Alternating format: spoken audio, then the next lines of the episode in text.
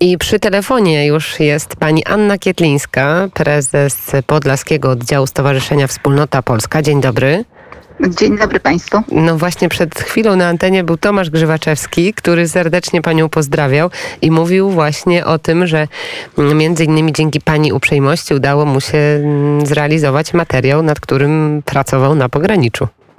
Tak, zgadza się. Wczoraj jeszcze świeżutko się widzieliśmy i też relacjonował mi to, co zobaczył. Jak y, Pani wrażenia, jak Pani obserwacje na temat tego, co się dzieje? Mm, no moje obserwacje, ja na granicy y, nie byłam, więc y, to, co mówił Tomasz y, i te jego spostrzeżenia z autopsji rzeczywiście no, bardzo mnie ciekawiły, bo znam taką aurę i, i historię tego konfliktu jedynie z mediów. Więc sobie rozmawialiśmy, to tylko dopełniło mojego takiego wyobrażenia, że rzeczywiście uczestniczymy w takiej wyraźnej grze Aleksandra Łukaszenki, którą obserwujemy już praktycznie od, e, od ponad roku w takiej bardzo ostrej e, formie. My tutaj e, w Białymstoku mamy do czynienia przede wszystkim z osobami, które przyjeżdżają stamtąd i relacjonują na gorąco swoje doświadczenia. Trafiają tutaj Polacy związani ze, związku, ze Związkiem Polaków na Białorusi, trafiają Białorusini. No i ze swojej strony opowiadają o tym, jak system wpłynął na ich, na ich życie, na życie bliskich, na e, kształt Białorusi e, w tej chwili. No i próbują, e, próbują przed, poradzić sobie w tej nowej polskiej rzeczywistości, cały czas myśląc o najbliższych i o tym, co się dzieje w ich rodzinnym kraju. To tak jak pani mówi, że to jest na pewno przemyślana operacja Aleksandra Łukaszenki. Wiemy, że służby też dobrze działają na, na, terenie Białorusi, ale wróćmy do tego, o czym mówił właśnie też Tomasz Grzywaczewski przed kilkoma minutami na naszej antenie. Mianowicie, że sprawa związana z e, prześladowaniami, bo tak to musimy nazywać, mniejszości polskiej na Białorusi nie zwróciła oczu i zainteresowania opinii publicznej, tak jak ten kryzys, który dzieje się teraz właśnie na pograniczu. Pani też ma takie mm, odczucia, pani też ma niestety takie wrażenie. Tak, dokładnie, dokładnie tak samo. Mm, my tutaj y, próbujemy razem z i Białorusinami, i Polakami y, mieszkającymi na Białorusi, którzy czują się obywatelami Białorusi, cały czas przypominać o tym, co się dzieje na Białorusi, jednak nie na granicy, tylko na Białorusi. Mm, dwa dni temu w kilku miastach w Polsce y, organizowaliśmy wspólnie takie akcje solidarnościowe, przypominające o tym, że w dalszym ciągu siedzą w, więzienie, w więzieniach osoby, available że 25 y, Angelice Borys i Andrzejowi Poczobutowi przedłużono sankcję karne, y, karną o kolejne trzy miesiące, że do listopada znajdują się w więzieniu, że mm, wobec nich prowadzone są naciski, oczekuje się, władze oczekują od nich, że przyznają się do popełnionych absurdalnych zarzutów, że, y, że, że być może przeproszą. Oni oczywiście czują, stają, stają starają się być dzielni, podobnie jak wielu młodych Białorusinów, którzy walczą o swoją sprawę i o prawdę. I tutaj, tak jak rozmawiam z osobami, które w tej chwili już na co dzień mieszkają na Białorusi, oni oczywiście bardzo mocno przeżywają tę e, sytuację na granicy, ale mają świadomość tego, że to jest ciąg dalszy tej całej akcji wymierzonej w Białorusinów, którzy postanowili być obywatelskim, demokratycznym, nowoczesnym y, narodem, o to walczyli, a nie mogą przeforsować tej idei u, władz i, i władze jak mogą okopują się w, w, swoim postanowieniu, a ci młodzi, niesamowicie wartościowi ludzie, bo, bo to jest w dużej mierze młodzież, y, inteligencja, muszą mm, wybierać emigrację, muszą zaczynać od, od nowa i liczą po cichu na to, że może się kiedyś to zmieni. To, to jest bardzo ważne i to jest bardzo istotne, żeby się zmieniło. Jak pani odbiera dziś e, te mm, nastroje i te przede wszystkim reperkusje, które są pod adresem społeczności mniejszości polskiej kierowane? Czy to się trochę uspokoiło? Nie, nie, to się nie uspokoiło. Oczywiście my już się przyzwyczailiśmy do tego, że, że trzeba się przystosować do nowej, do nowej rzeczywistości. My tak czekamy w tej chwili wszyscy na wrzesień, kiedy zacznie się nowy rok szkolny. Cały czas pamiętamy, że mniejszość polska na Białorusi przede wszystkim troszczy się o polskie dziedzictwo na wschodzie i troszczy się o język polski, prowadząc nauczanie w języku polskim.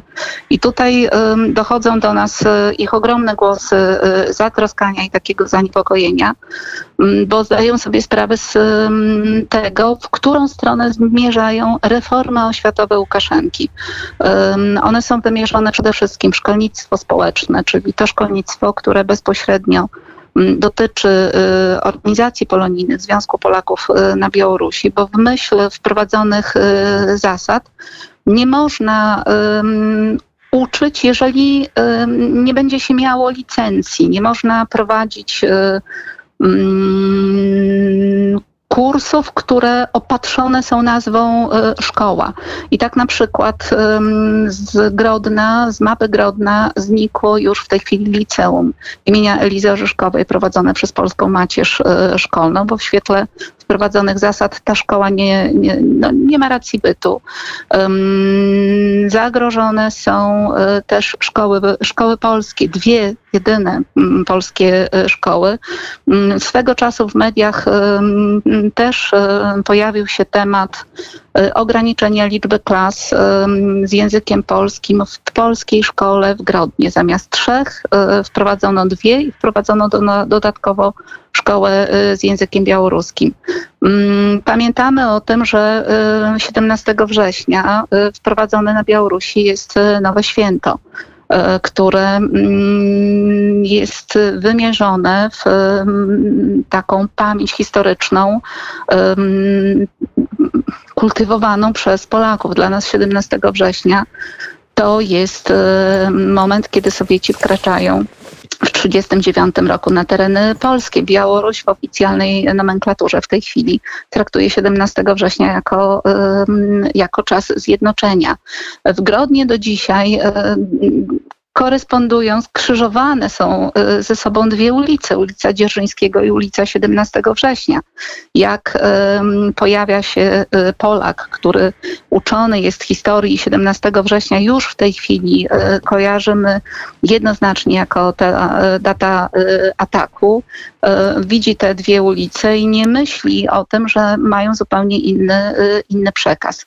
No, cały czas pamiętamy o tym, że różnego rodzaju y, sugestie y, wymierzone są w poszczególnych y, działaczy, czy, czy, czy naciski w poszczególnych działaczy w Związek Polaków na Białorusi. Na przykład 15 sierpnia, kiedy w Polsce obchodziliśmy Święto Wojska Polskiego, mm, działacze ZPB otrzymali informację, że no nie powinni prowadzić do zgromadzeń, nie powinni celebrować tego święta, więc święto oczywiście było, ale w formie takiej zmniejszonej, indywidualnie Polacy chodzili na groby, upamiętniali, bo dla nich to jest niesamowicie ważny element tradycji, która mm, nie może być przeżywana przez nich tak, jakby chcieli.